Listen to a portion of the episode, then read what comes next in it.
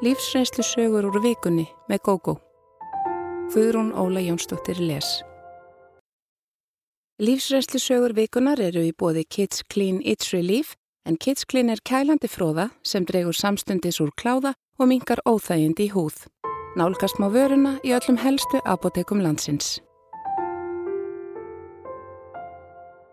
Sölumenn lífsins Ég veiktist óvænt um þrítugt og um tíma var ekki vitað hvort ég lifði veikindin af.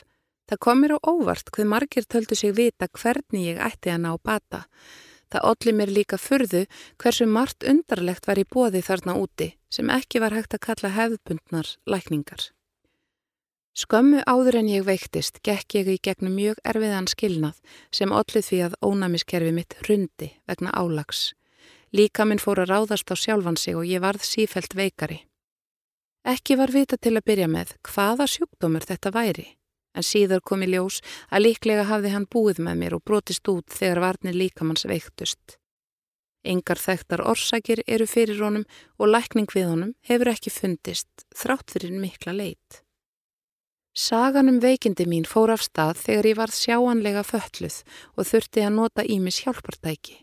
Mér versnaði hratt og fólkið í kringum mig ótaðist um lífið mitt. Vinkona mín þekkti mann sem taldi sig vera mikinn gúrú í andlega geiranum og tengdist óheðbundum lækningum. Í gegnum þessa vinkonu mína fekk ég skilabóð frá manninum eða sjáandanum um að ég hefði fengið í mig veiru af froskalöppum sem ég hefði borðað. Ég var tiltölulega nýkomin úr ferðalagi til lands sem á þeim tíma var ekki algengt að Íslendingar heimsæktu. Það varði kannski raugrétt að álíkta að ég hefði gúfað í mig skrítnu mat en staðrendin er svo að ég hafði aldrei á æfinni borðað froskalappir og hafði ekki higgju að gera það. Reyndar hafði ég borðað snigla sem þá þóttu ákaflega undarlegur matur. Þessi maður vildi endilega hitta mig en ég svaraði þessum skilabóðum hans ekki og gaf honum aldrei færi á því að sína mér hvernig maður sigrast á afleiðingum þess að hafa borðað eitraðar froskalappir. Það voru ekki til þær tegundir af nutti, drópum, kremum og sérstökum mataræði sem ég var ekki bent á. Læknirinn minn hafði sagt að ég mætti borða hvað sem væri því ég væri ekki með fæðu ofnami og ég fór eftir því sem hann sagði. Ég hafði lifað heilbreyðu lífi, hvorki reyktinni drakk, lifði mikið á fiski og grænmiti og hjælt mínu striki. Mér var bóðið í hanastjálsbóð sem ég þáði þótt heilsa mín væri báborinn þá stundina. Mér hafði versna mikið á stuttum tíma og þurfti meðal annars að ganga við staf. Þegar ég gekk inn í stóra stofu, kallaði einn spámaðurinn upp yfir sig þegar hann sá mig. Guð minn góður, hvenar ætlar þú að fara að gera eitthvað í þessu? Þú verður að minnstakosti að fara í áruð þvott. Þessi maður var eitt þeirra sem reyndu af mikilli ákveðni að selja mér lækningu. Góð vinkona sendi mér bóki í jólagjöf en fram að því höfðum við reyndar ekki skipst á jólagjöfum.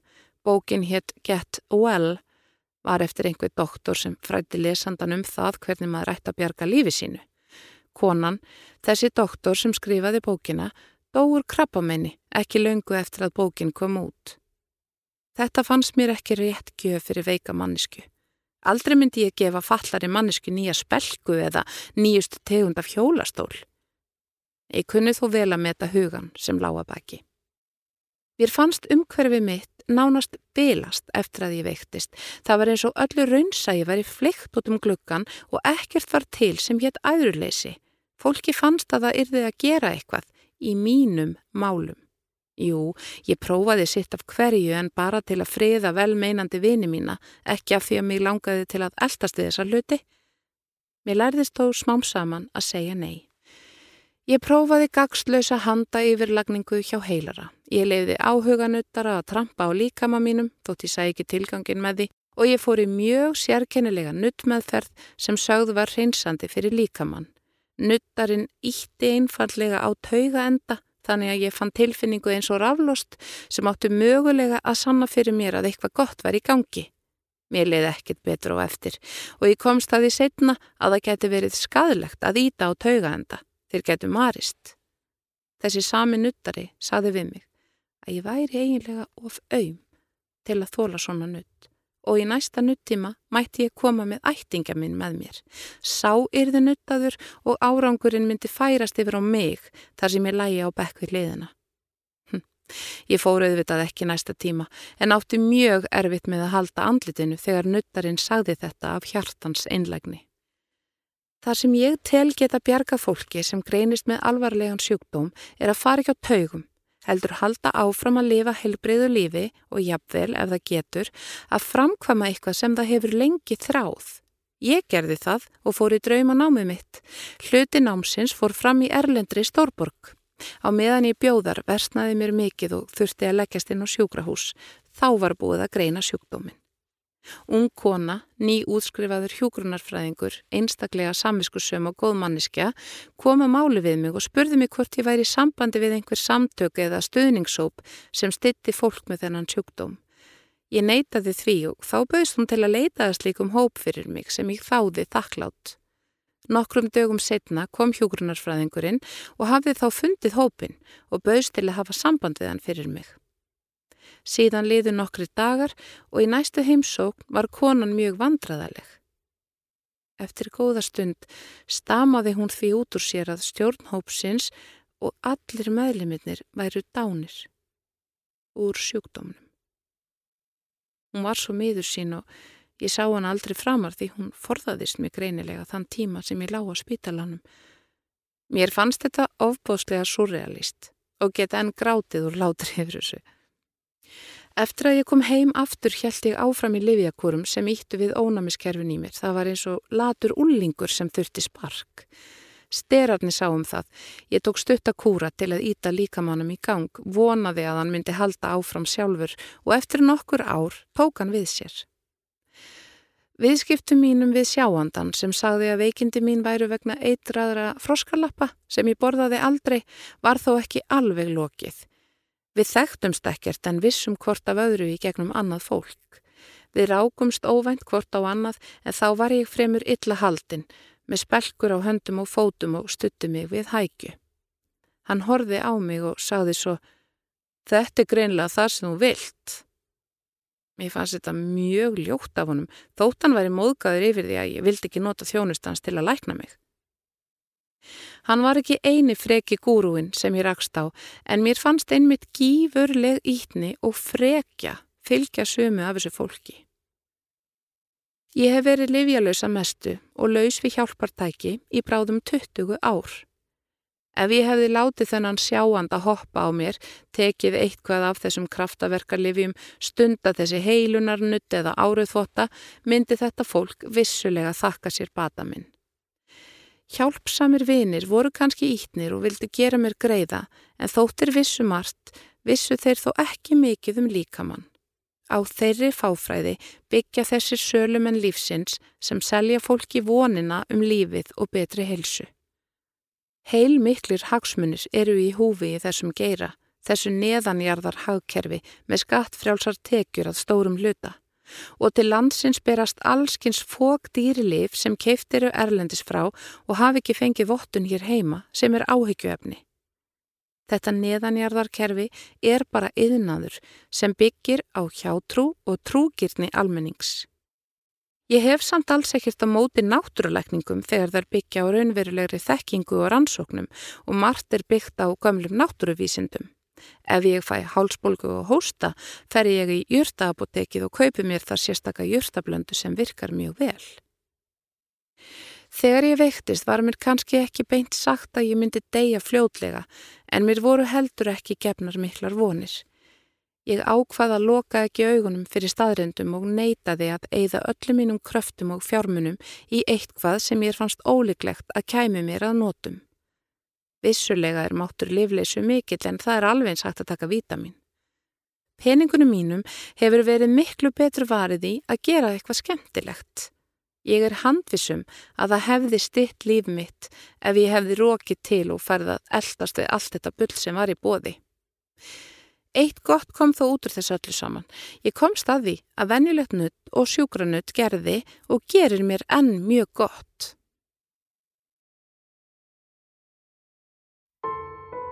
Sænginni yfir minni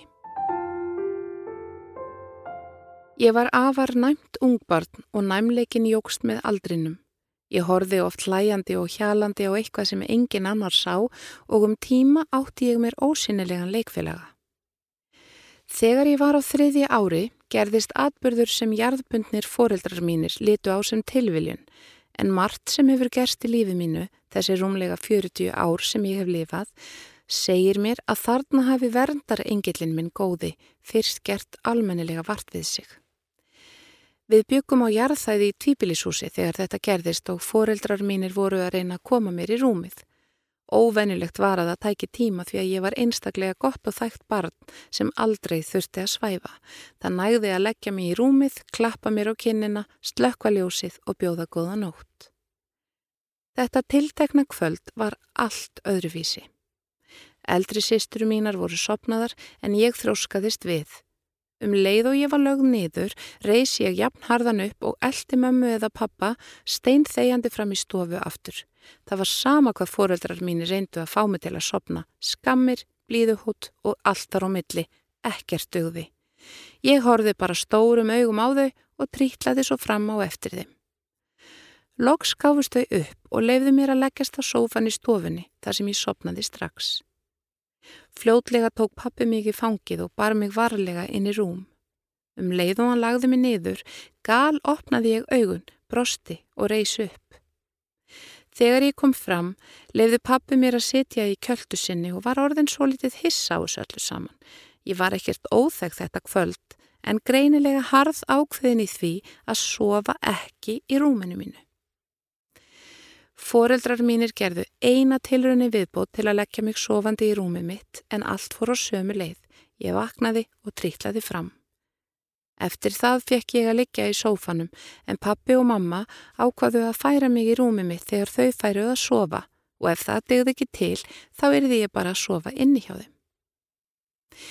Allt í einu heyrðist gríðarlegur háfaði og þungt högg kom á húsið. Mamma æfti uppi við sig og held að þetta hefði verið járskjaldi. Nokkrum mánuðum áður hafði stóri járskjaldi riðið yfir en þá byggum við í blokk og íbúðin okkar sem var á efstuhæð leik á reyði skjálfi. Mamma harkaði ræðsluna af sér og hljópin í barnaherbergið og eftir pappa. Hávert brotljóð kom þaðan og aðkoman var ljót. Í ljós kom að stórum bíl hafði verið ekið á húsið, glugginn brotnaði og glerbrot þeittust yfir allt, mest yfir rúmi mitt, sem ég svaf blessunalega ekki í þá stundina. Sistur mínar vöknuðu en þeim var það ekki meint af þessu því að kójan þeirra var í hínumenda herbergisins. Glerbrotin voru hreinsuð upp og sett var fyrir gluggan með aðstóð lauruglunar. Okkur sistrum var komið fyrir í hjónarúminu þar sem við sváum rótt til morguns. Ég var varkár krakki og stundum óþarflega hrætt við allt og alla. Eitt skiptið var ég vörfið að maður starði á mig úr bílnum sínum þar sem ég var á heimlið úr skólanum. Ég fekk strax hugbóðum að hann ætlaði að gera mér eitthvað og gekk upp að næsta húsi. Þar þóttist ég banka á dyrnar í smá stund og þegar ég var alveg við það að banka í alvörunni, ógan og brott. Þarna var ég bara átt ára en þá þegar farin að finna ströyma frá fólki. Ekki löngu síðar fretti ég að þessi maður hefði lokka skólasistru mína upp í bíl til sín og farið með hana út fyrir bæin. Þótt þetta veri umtalað í bænum, gerði engin neitt í málinu, en allir krakkar á Akranesi vöruðu sig á manninum upp frá því. Hann vann hjá bænum og kerði öskubílinum tíma. Margir skagamenn munna örglega eftir þessu manni en hann hafi undarlegt viðrunefni. Við fluttum til Reykjavíkur þegar ég var úlingur. Um tvítugt var ég fluttað heiman og farin að leia með vinkonu minni. Eitt kvöldið fór ég á ball og í parti til eldstu sýstur minnar og eftir. Hún bauð mér gistingu en vegna sterkrar ónótatilfinningar afþakkaði ég það og ringdi á leigubil. Mér fannst ég verða að fara heim og það sem fyrst. Leigubilin kom óvenju fljótt með að við að þetta var á lögataskvöldi. Sýsti mín bjóði miklubraut og ég á framnisvegi svo að ferðin tók stuttan tíma. Þegar ég var að gangin í íbúðana heyrði ég læti eins og það verið slagsmál og flýtti mér inn í herbergi til sambiliskonu minnar sem þá barðist upp á lífu og dauða við bróður sinn. Hann var drukkin og reyður og hafði ráðist á sýstu sína. Hann var með hendurnar um hálsin á henni og hún var byrjuð að blána í framann. Ég öskraði á hann og reyndi að losa hendur hans af hálsennar. Þá var eins og hann vaknaði til meðvitundar. Hann viðurkendi fyrir mér síðar að hann hefði öruglega drepið hana ef ég hefði ekki komið að þeim. Hann var svo reyður. Nokkru mánuðum eftir þetta atvik var ég að fara heim úr vinnunni en vinnustadur minn var nálagt lemmi. Ég ætlaði að taka leið þrjú eins og venjulega en rangaði við mér þar sem ég var að stíga út úr fjarkanum við lauganisveg. Þar byggu pappi og mamma og ég hugsaði með mér hvað skildi vera að hjá mömmu fyrst ég er allt í hennu komin hingað. Ég var með húsleikil og notaðan þegar mamma svaraði ekki dýrabyllinni. Ég fór beint inn í Svefnerbergi og þar að lág hún fár veik. Hún hljóðaði af kvölum og bað mig um að ringja á sjúkrabíl. Í ljós kom að mamma var með utanlegsfóstur og ansi hætt komin vegna blóðmissis. Pappi var í útlöndum og bróðir minn, sá eini okkar sískinnana sem enn bjó heima, var í sveit. Mamma var oveik til að komast í síma og það hefði getað farið illa ef ég hefði ekki komið. Þarna finnst mér að förminni hafi verið stýrt því að ég var alls ekki á leið til mömmu þennan dag. Eitt minnistætt atviki viðbútt átti sér stað á svipuðum tíma en þá var ég í heimsókn hjá vinafólki mínu í Kópavogi. Þetta var á 50. kvöldi en þau kvöld voru sjónvarpslaus á þessum tíma og við ætluðum að horfa á tvær vídeospólur. Þegar fyrirmyndin var að verða búin fór ég að finna fyrir gamal kunnugri ónótatilfinningu. Klukkan var bara 11 og kvöldið í rauninni rétt að byrja í huga okkar. Vinafólk mitt skildi ekkert í því að ég vildi rjúka í burtu án þess að horfa á setnimyndina sem leit út fyrir að vera mjög spennandi. En ég var viðþólslaus og varðað komast heim. Ég var þá á milli íbúða og bjóð tímabundi hjá mömmu. Ég veit að mömmu fannst gott að hafa mig hjá sér því að þau pappi voru að skilja og hann var fluttur út. Mamma var ekki í neittni lífsættu þegar ég kom heim en hún var langt niðri og glattist mikið yfir því að ég kom óvænt svona snemma heim. Við töluðum lengi saman og ég fann að henni fór að líða betur upp úr þessu. Hugbóðin mín hafa oft komið sér vel og börnin mín reyna til dæmis ekki að segja mér ósatt. Auðmingja fyrfirandi maðurinn minn, hann gæti ekki einu sinni haldið fram hjá mér án þess að ég vissi um það. Ég á fyrirtæki og er með nokkra starfsmenni vinnu hjá mér. Einu sinni hafði ég auglist lausa stöðu og nokkri sóttu um. Mér er minnistæður gladlegur maður sem hafði ljómandi góð meðmæli og vildi endilega vinna hjá mér. Þrátt fyrir að hann var í brósmildur og eflust ágættur starfsmæður var eitt hvað í fari hans sem mér fannst óþægilegt. Ég reið annan í starfið þótt viðkomandi hefði ekki jafn góð meðmæli. Hann er enni í vinnu hjá mér en ég frétti síðar að slæmt hugbóð mitt varðandi brósmildamannin hefði verið rétt. Ég reyni að vera með báða fætur á jörðinni en viðurkenni að mér finnst voða notalegt að fá viðvaranir í sambandi við fólk og atbyrði. Stundum líða þó mánuðir eða ára á milli. Ég held að við höfum öll hæfileika í þessa átt, mismunandi mikla og þá er bara spurningum að hlusta á hugbóðin en gæta þess þó að rugglaði mikið saman við eitthvað annað. Ekkert er meira óþólandi en fólk sem þykist finna hitt og þetta á sér og notar það til að stjórna öðru fólki.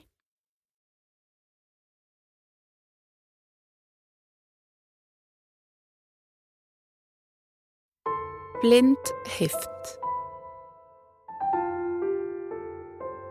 Elsku sýstir mín er yfirleitt hversmanns hugljúfi en í henni leynist þó mikil heift og einnig óttið um að reynd verði að misnóta góðvild hennar.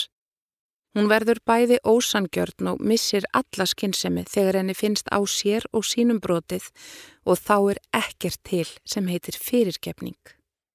Það má alveg segja að gerðasýstir hafi verið svo litið kúið í æsku. Hún var svo eina okkar sískinnana sem þorði aldrei að andmæla móður okkar. Ekki kunni mamma að meta skilirdislausa hlýðnina, heldur leit nánast niður á gerðu fyrir þetta og reyndi með hörkuð að gera hana sterkari. Það virkaði ekki á gerðu sem hefði eflust þurft meiri blíðu. Pappi dó þegar ég var á fjórða árinu en þá höfðu þau mamma verið skilin í tæft ár. Mamma var svo liti beisk og kannski let hún bitna á gerðu að hún líktist pappa okkar mest, okkar sískinana. Mig grunar það allavega. Bræður okkar tveir, eldri en við, notferðu sér að gerða gætt aldrei sagt nei, nema kannski við mig og fengana til að gera húsverkin sem mamma hafi sett þeim fyrir en þeir borguðinni þó fyrir það. Ég er tveimur árum yngri og þótt í sí yngst hef ég alltaf geta staðið á mínu og dætt ekki huga að lefa bræðurum mínum að komast upp með leti á minn kostnað. Ég stóð upp í hárin á mömmu á ímsan hátt en hún var samt aldrei jafn ströng við mig og gerðu einhverja hlutavegna. Gerða giftist ung og mér list vel á mannin hennar. Til að byrja með. Svo komi ljós með tímanum að hann sínd henni virðingalesi og stjórnaði henni algjörlega. Engin vissi um ofbeldi sem hann beitt hana fyrir en eftir að þau skildu. Gerða sá algjörlega um són þeirra en maðurinn sínd honum engan áhuga fyrir en gerða gafst upp á hjónabandinu eftir langvarandi ofbeldi, andlegt og líkamlegt sem hún hafði engum sagt frá. Þá vild hann fá forræði drengsins. Hún reyndi að berja skekk því en gafst upp og gaf forræðið eftir, enda við hann að hlýða. Á þessum tíma var ég í námi í útlöndum og fyldist bara með úr fjarlægð. Þá var tæknin ekki jafn góð og hún er í dag, svo samband okkar var stópult og ég gati ekki stuttana eins og ég hefði gert ef ég hefði búið heima. Aug þess bað gerða engan um hjálp. Það var eins og hún byggist ekki við að fánina. Hún var svo brotin eftir erfitt samband árum saman. Reyndar gafst pappin upp ári síðar. Þetta var meira vesen en hann átti von á, svo hann lefðinni náðar samlegast að fá forræðið aftur með því skilirði að hún færi ekki fram á meðlag með barninu. Hún var til í það. Árin liðu, gerða varð örugari með sig, bætti við mentun sína, sótti ímis námskeið og lasu uppbyggjandi bækur sem hjálpaði henni. Hún miskildi þó þetta með reynskilni og gekk stundum hranalega á fólk í nýfengnu öryggi sínu ef hún hjælt að það myndi eitthvað neikvætt með orðum sínum. Þetta var til þess að fólk fór í vörnin ávist hennar. Hún þurfti alltaf að vita hvað hver og einn myndi og fólk stein hætti að reyna að grína snálatenni á meðan þetta tímabil stóð yfir. Hún var einfallega hundleiðinleg um nokkura ára skeið og þetta fækkaði vinumennar um tíma. Líklega viss hún ekki hvað hún gat verið óbærilega leiðinleg, heldur leit á sig sem ákveðina mannesku sem vildi hafa allt á hreinu. Hún reyndi þetta sjaldan við mig, en það þekkt hún mig vel og vissi hvað ég myndi þegar ég sagði hlutina. Hún sem alltaf hafði gaman af því að gera eitthvað fyrir aðra, hætti nánast alveg að gera öðrum greiða. Ef einhver byður hann um eitthvað, lítur hún á það sem tilraun til að hafa gott af henni. Samt finnst mér að hún upplifir sig sem mjög góða mannisku sem gerir allt fyrir alla. Hún vil bara hafa frumkvæðið að við sjálf. Þetta er vissulega hennar leið til að brjótast úr viðjum kúunar en hún sá ekki statugavert við að aðrir gerðinni greiða. Hún fór í samstarf við vinkonu sína, listakonu, og þær stopnuði fyrirtæki sem var vestlun eða galleri. Þar voru mjög sniðugar og fund upp á ímsu sem vakti aðtikli. Sistir mín reytist mjög þegar hún frétti af öðru fyrirtæki sem fór að hanna svipaða vörutegund og sistir mín átti hugmynd að en það var um líkt fyrirtæki að ræða. Hún reyndi að koma í veg fyrir að hinn aðilinn framleiti þetta en hafði ekki erindi sem erfiði. Þetta var löglegt en sýstu minni fannst þetta þó mjög siðlust. Reyðin brann í henni. Gerðu og vinkonu hennar bauðst síðar að ganga til samstarfs við hinn aðilan sem hefði án Eva styrt bæði fyrirtækin. Vinkonan var til í það en ekki gerða. Hún vildi ekki sjá að vinna með svona þjófapakki. Svo fór að halla undan fæti hjá þeim vinkonunum en hitt fyrirtækið sem bauði samstarf blómstræði og gerir enn. Og það gerði sýstru mína enn hatursvillri. Gerða giftist góðu manni þegar sonurinn var í kringum tí ára og þau eignuðu stóttur, algjöran gullmóla sem fórildratnir og bróðurinn sá ekki sólina fyrir. Við sýsturnar urðu mjög nánari eftir að ég flutti aftur til landsins og líklega var ég eina manneskjan sem gatt stundum komið vitinu fyrir hana þegar hún greip eitthvað í sig og fylltist heift vegna einhvers smáraðis. Það varð þó allt vittlust og ég gæti engu tauti við hana komið þegar atvik átti sér stað millir dóttur hennar og sonar bróður okkar sem flestir myndu kalla læknistleik. Gerða talaði um kynferðislega misnótkun þóttum tvö lítil börn væri að ræða sem skoðuðu hvort annað af sama áhuganum. Dóttir hennar sagði mömmu sinni gladlega frá því hvernig frændinar var skapaður og eftir nokkra spurningar kom skerða þeirri niðurstöðu að um graf alvarlegt mál væri að ræða. Hún ringdi bróður okkar, pappa litlastráksins, og heldi sér yfir hann vegna þessa. Hann kom að fjöllum í fyrstu en lofaði að tala við svon sinn og segja að svona mætti ekki gera. Að mati gerðu tók bróður okkar þessu samt of létt og hún var sífelt æstari og reyðari og saðist ekki kæra sig um að þekkjan. Hinn bróður okkar reyndi að koma vitinu fyrir gerðu en uppskar eitning sambandsliti kjölfarið. Ég reyndi líka að róa gerðu og síninni fram á fárónleikan en án árangurs. Þetta var það leiðinda máli sem sífelt vatt upp á sig. Gerða var svo reið að hún talaði við vinkonu sína hjá barnavernd út af þessu. Þegar vinkonan heyrði hver aldur barnana væri, sagði hún að málið ætti ekkert erindin á bort til þeirra. Börn á þessum aldrei gerðu þetta oft og ekkert væri aðtugavert við það.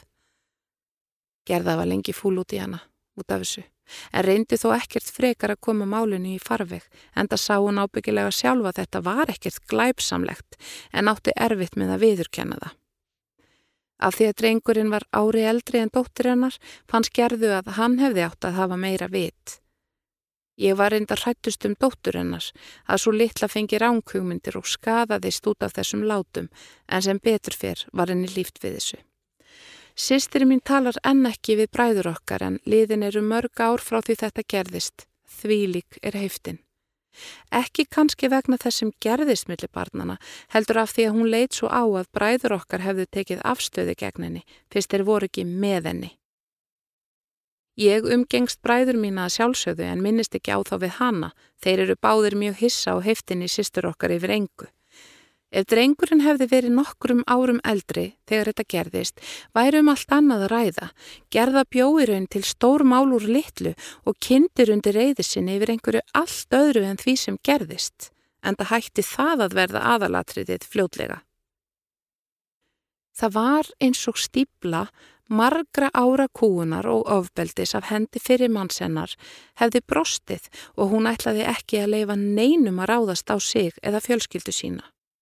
Nú þegar kjarkurinn var komin átti að bæta upp fyrir öll árin sem hún hafði aldrei sagt neitt, þótt oft væri virkilega mikil ástæða til þess. Maðurinn hennar gerðu er mikill haglætis maður og stiður sína konu í einu og öllu sem er henni mikil svirði. Meira að segja hann gæti ekki sætt málinn.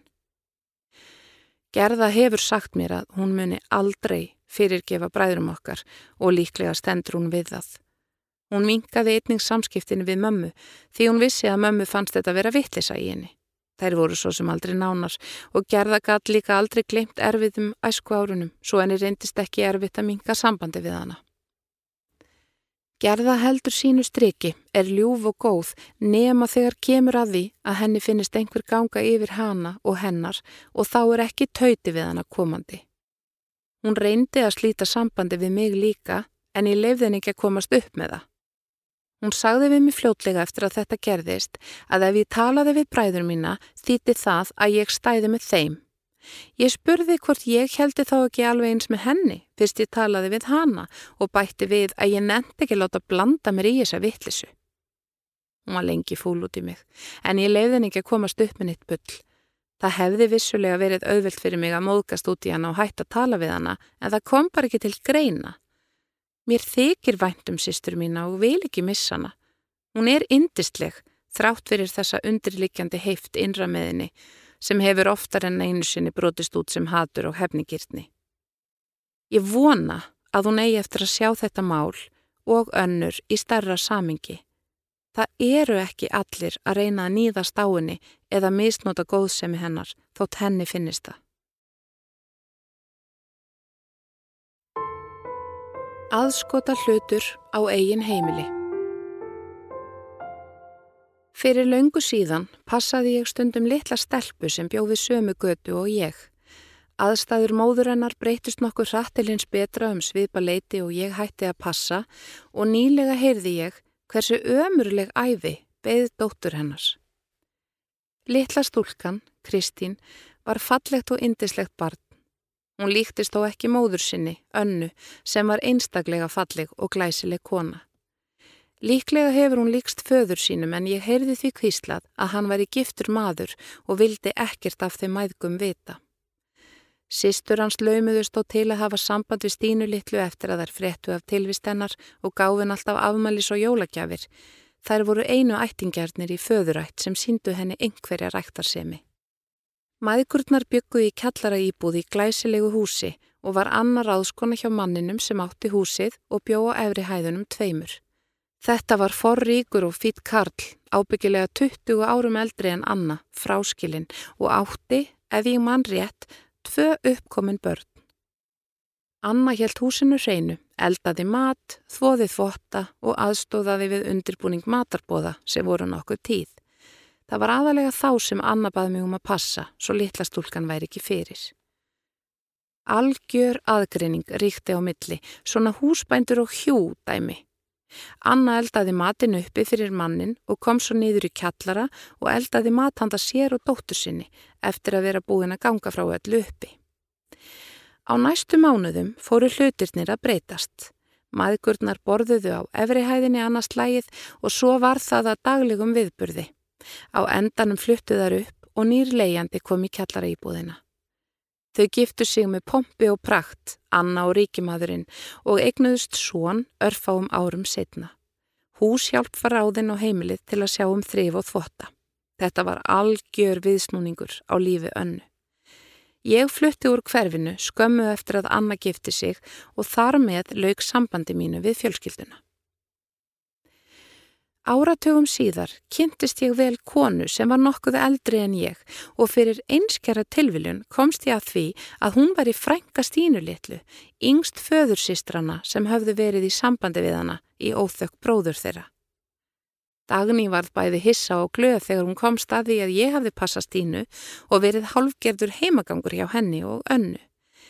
Í gegnum Dagníu komst ég að því að líf Stínu hafði sannarlega ekki verið dans á rósum og í raun heldur ekki líf önnu, mömmunar, en á annan hátt þó. Eftir að maðgurnar fluttu á efrihæðina og Anna giftist manninum varð Stína eins og óþægilegur hlutur á heimilinu. Manninum var kannski ekki beint illa við Stínu litlu, hann hafði bara engan áhuga á henni, bara mömmunas. Og þegar sonurinn fættist varð hún eiginlega ekki til fyrir honum. Hún var sendið sveit öll sömur til einnar af föðursýstrunum sem var bóndi en sýsturnar hættu að laumast til að umgangast litlu frængu sína eftir að bróðir þeirra skildi við konu sína. Þrátt fyrir skilnaðin tók hann ekki upp samband við framhjáhaldsbart sitt sem þráði alla tíð að eiga föður. Sá sem kom næst við að gangin í föðurstað var eigin maður föðursýsturinnar í sveitinni en hann var henni afargóður. Stína var alltaf ljúf og góð í sveitinni en sýstrunum skildist að heima í Reykjavík væri hún oft vansæl. Anna breytist eftir hjónabandið og varð með tímanum snoppuð og talaði ekki við hvert sem var.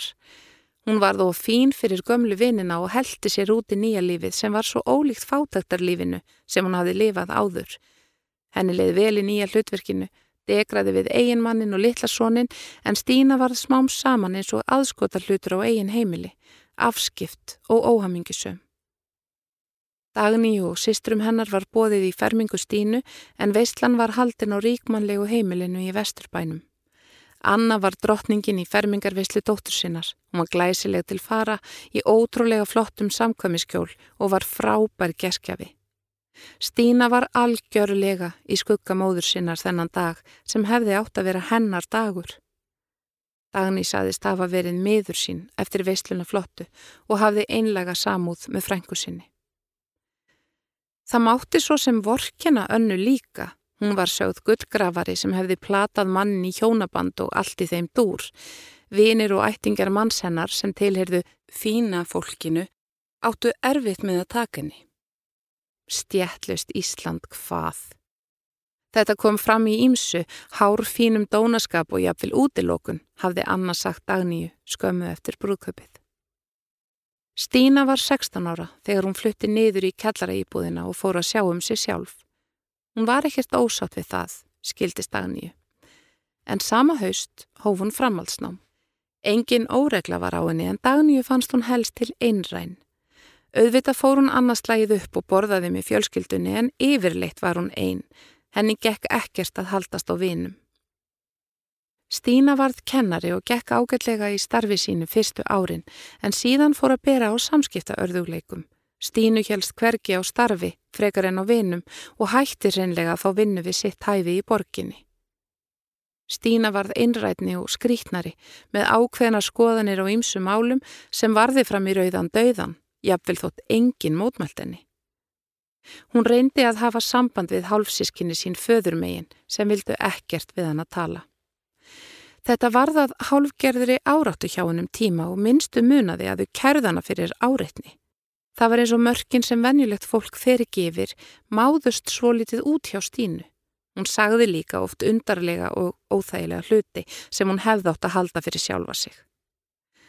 Ástamálinn voru einn sorgasaga lengst af. Hún laðaði að sér einn tóma ræfla sem notvarðu sér hana og letu sig svo hverfa. Stína flutti loks út á land og fekk kennarastöðu þar þanga til uppkom ágreiningur. Það var kannski ekki ágreiningurinn sem eðalaði allt, flestir geta raugrætt, en það var ekki á valdi Stínu. Hún reytist, sagði ljóta hluti og gaf sig ekki, jafnvel þóttin að veri sínt svart á kvítu að hún hefði rangt fyrir sér. Á þessum stað á landsbyðinni kynntist Stína góðu manni og þau fóru að vera saman. Hún var að verða færtug þá. Þau giftu sig og letu skýra barni sitt í leiðinni.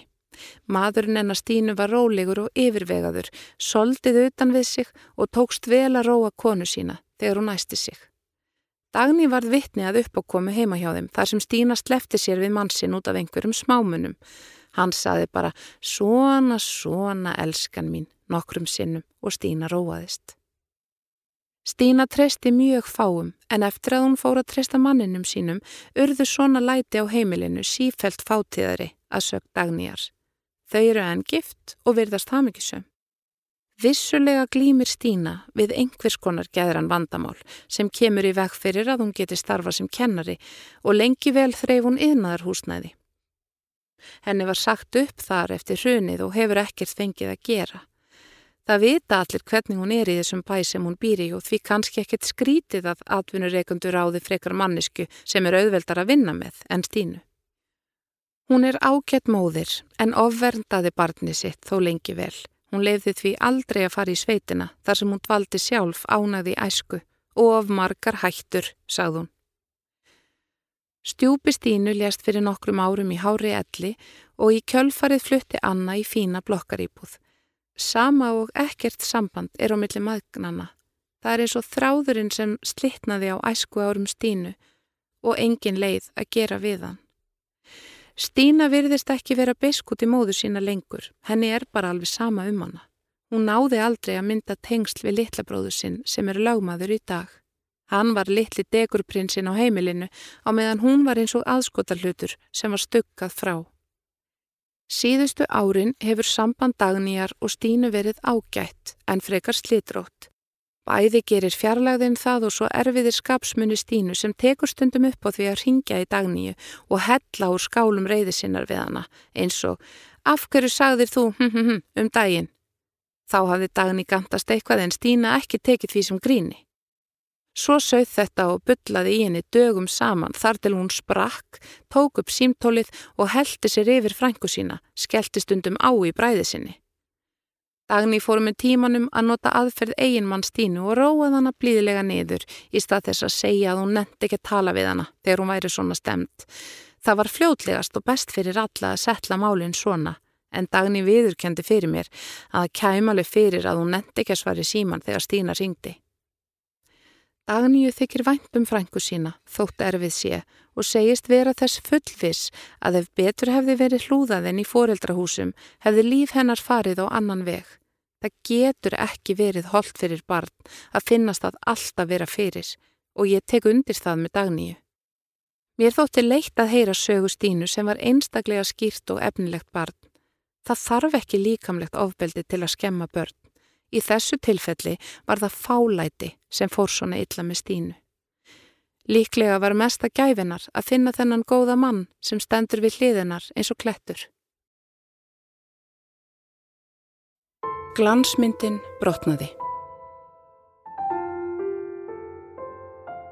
Ég var yfir mig hrifin af strák sem var með mér í skóla en hann vissi aldrei af því.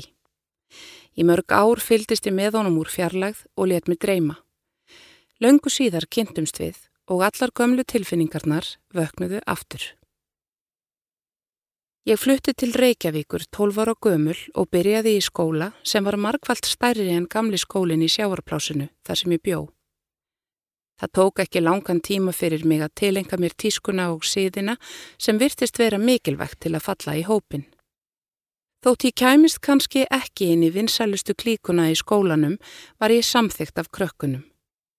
Næsta vetur fórum við í annan skóla sem var á unlingastígi. Þá fór ég að sjá daglega strák sem var ári eldri en ég og var góður vinur stelpnana í mínum bekk sem voru í klíkunni. Ég hafði séðan okkrum sinnum veturinn áður og fundist hann ofbóðslega sætur. Ég fyldist með stráknum, sem ég kýsa kalla gumma, úr fjarlægð og dáði staðunum en gerði mér engar vonir en það byrjaði hann á föstu með bekkjasistur minni strax um veturinn. Þau voru sama næstu árin og ég átti líka kærasta sem ég var skotin í, en alltaf hrefst ég af gumma úr fjarlægð. Ég get kannski ekki sagt að ég hafi verið ástfangin af honum, en neisti var til staðar. Neisti sem hefði getað kveikt stórt bál. Ég spjallaði stundum við hann í skólanum, í hópi með öðrum krökkum og fannst hann bæði skemmtilegur og klár og auðvitað ríkalega sætur. Ég valdi sama mentaskóla og besta vinkona mín og var sátt við það, en klíkan með gumma innanborðs var í öðrum skóla, svo tengslinn robnuði að mestu við þessa krakka. Gummi á samt nokkrum vinum sínum stopnaði hljómsveit á mentaskóla árunum og þóttir næðu engri frægð voru þeir samt glettilega góðir. Þeir spiluðu nokkur lög á skólaballi í skólanum mínum á einni ásáttíðinni og ekki mingaði það hrifningu mína á gumma. Hann átti mjög sæta kæristu á þessum tíma en ég var ekkert afbreyðisum eða neitt slíkt. Þetta var hrifning á nokkurar vonarum að eitthvað gerðist. Hann var utan minnar seilingar fannst mér, svona eins og halvgerð Hollywoodstjarnar. Mörg ár liðu. Ég giftist góðu manni og eignaðist tvö börn með honum. Við kynntumst á háskóla árunum og smullum saman við fyrstu kynni. Ástinn dögði þó bara í rúm tíu ár og við skildum í mesta bróðerni. Börnin byggu áfram hjá mér og ég held líka íbúðinni sem við höfðum fest kaup á en bankin átti að mestu. Maðurinn minn fór að hitta konu nánast strax eftir skilnaðin og flutti fljóðlega til hennar. Börnin okkar komu mjög vel út úr skilnaðinum og kynntust nýju konunni smám saman sem hefur allatíð verið afar góð við þau. Þau dvöldu hjá þeim í góðu yfirleiti, aðra hverja helgi fyrstu árin, síðan var það frjálsara. Þær helgar notaði ég vel. Heimsótti vinkonurnar, fór í gönguferðir, tók heimilið í gegn, las, prjónaði, dittaði að, gerði við og horfi á sjónvarpið. Vinkona mín átti ekki orð yfir mig. Hún djammaði yfirleitt um hverja helgi og fannst fáránlegt að ég eitti barnlausu helgunum mínum í tiltækt og göngutúra. Ég hló bara að henni, en það aldrei verið mikið fyrir skemmtanalífið. Eitt lögataskvöldið dróðun mig þó með sér á pöpparöld. Ég skemmti mér konunglega, en það, ef maður fer sjaldan út á lífið, verður allt skemmtilegra þegar maður lokk strífur sig. Á einum pöpnum var bóðið upp á lifandi tónlist og engin annar en gummi satar með ljóðfæri og flutti gömul og góð lög á samt tveimur öðrum tónlistarmönnum. Ég saði vinkonu minni að ég hefði verið skotin í honum öll úlingsárin og lengur en aldrei þórað að segja neinum frá því. Henni fannst það mjög spennandi og þar sem hún getur verið mjög frökk hún sér til þegar hann fór í pásu og spurði hvort hann vildi ekki helsa upp á gamla skólasýstur. Svo bent hún á mig þar sem ég satt vandraðarlega við borð skamt frá. Hann gekk til mín og helsaði mér Það var greinilegt að hann kannadist ekkert við mig en þóttist ranga við sér þegar ég sagði honum nafnum mitt. Hann settist hjá okkur og sjarmeraði okkur upp úr skónum áður en hann fór að spila aftur. Hann baði um símanúmeri mitt og það næstum leið yfir mig af spenningi. Strax á mánudagskvöldinu ringdi gummi í mig. Við töluðum saman í tvo klukkutíma, mest um hann reyndar, en ég var vissulega forvitin um líf gömlu æsku ástarinnar minnar. Eftir símtalið var ég samt með svolítið óbræð í munninum. Gummi virtist ekki kunna þá reglu að tala ekki um fyrfirandi og þá alls ekki illa þegar hann fer á fjörurnar við aðra konu. Hann útúðað henni og vissulega hafði ég samúð með honum fyrir hvernig fyrirverandi kona hans hafði farið með hann. Hún hafði farið óvænt frá honum og tekið sjöar og dóttur þeirra með sér. Það sögn gumma var engin ástæða fyrir brottkvarfi hennar. Hann vissi ekki betur en að allt væri í lukkunar velstandi í hjónabandinu. Samt fór hún. Og hann fekk ekki að hitta dóttur sína nema um helgar þegar hann var í vinnunni. Mér fannst samt á honum að hann hitti dóttur sína mjög oft svo ég skildi ekki alveg allan æsingin yfir óreittlætinu. Við spjöldluðum saman í síman nokkrum sinnum og svo kom hann í heimsók til mín. Við byrjuðum að vera saman það kvöld og ég var allsæl. Samt ringdu einhverjar viðvörunarspjöllir í höfðinu á mér sem ég bara þakkaði niður í. Fyrirverandi maðurinn minn var mjög jarðbundin en gummi algjör anstæða hans listamannstýpan sem ég þekki ekki en fannst spennandi á margan hátt. Hann drakk þó mikið og var stundum illa haldin af sjálfsvorkun sem ég vonaðist til að hætti þegar hann erði hamingjusamur með mér. Við hófum samband sem var þó á forsendum hans eða hittumst þegar hann vildi. Hann fór þó fljótlega að tala um að flytja til mín en hann var í húsnæðisarraki á þessum tíma, bjó inni á aldraðri móður sinni, skildist mér. Gummi helt áfram að tala mikið um fyrirverandi konu sína og ég var satt að segja orðin frekar þreytt á þessu umræðu efni. Hann sagði líka að ef við færum að búa væri konunni ekki stætt á því að hamla umgengninni. Ég bent honum á að ég vildi nú fara rólega í sakirnar, við værum rétt að kynnast, hann ætti eftir að hitta börnin mín og allt. Hann síndi þeim reyndar merkilega lítinn áhuga hafði eiginlega bara áhuga á sjálfum sér og ný kviknuð hrypning mín á honum var strax byrjuð að dopna. Þó voru bara liðnar nokkrar vikur. Ég sagði vinkonu minni frá evasemdu mínum og vombreyðum en hún hafði fylst spennt með ástaræfintýri mínu. Án þess að ég vissi kannadi hún fortíð hans en hún átti vist kunningakonu sem þekkti gumma vel og einning barsmúður hans. Í ljós kom að saga gumma um þessa vondu barsmúður var mjög orðum aukin og hann gætt hitt bart sitt nánast hvena sem var. Eftir að hann hafði verið með það nokkrum sinnum yfir nótti miðri viku og barnið hafði mætt of sent í skólan eða jafnvel ekki neitt, þá tók barsmúður hans fyrir það. Það var allt og sumt. Hann gætt hitt stelpuna eftir skóla og verið meðin í nokkra klukkutíma eða á sunnudögum en þá var hann yfirleitt of þreyttur eftir helgarvinnuna réttar að sagt þunnur. Þegar vinkona mín sagði mér frá þessu, small einhvern veginn allt saman, allar evasemdirnar sem ég hafði haft, urðu að vissu. Liklega hefur gummi fundið fyrir breyttu viðmóti hjá mér um leið, því þólinnmæði mín var orðin lítil sem enginn þegar hann byrjaði að væla yfir óriðlætinu. Ég segi væla, því aðdáunar hulan hvarf hratt frá augunum á mér og ég fór að sjá gumma eins og hann var útlifaðan og frekan mann sem hafði engan tilgang í lífinu nema að berjast fyrir einhverju sem hann hafði. Fyrirverandi kona hans hafði unnið fyrir honum alla tíð og gafst ekki upp á honum fyrir neftir tíu ára samband sem engendist af drikkjuskap hans og framhjóhaldi. Hann leita á sig sem listamann og dreymdi stóra drauma um fræð og frama á meðan hún þrælaði. Á útlitinu og sjarmanum komst hann langt með aðra en hann var einhvern veginn staðnaður. Að mínu mati er hann í hópi þeirra foreldra sem eigðilegja fyrir öðrum foreldrum, feðrum sem æðrum, sem brotið hefur verið á raunverulega og berjast fyrir því að fá að umgangast börn sín. Hann var búin að fara ymsar leiðir til að klekja á barsmóður sinni en án árangurs sem betur fyrr. Samband okkar gumma rann út í sandin. Ég var hálf svegt út í sjálfa mig fyrir að hafa verið svona hrifin af manni sem ekki var meira varið í þegar allt kom til alls. En ég hafði þó gott af því að sjá í gegnum glansmyndina sem ég hafði gert af honum. Hann hrundi frekar hratt niður af stallinum sem ég hafði sett hann á. Það var lán mitt að sambandi okkar laug nánast áður en það hófst almennilega.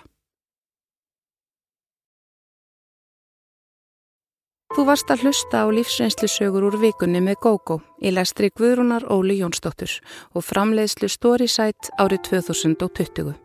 Höfundaréttur Vikan.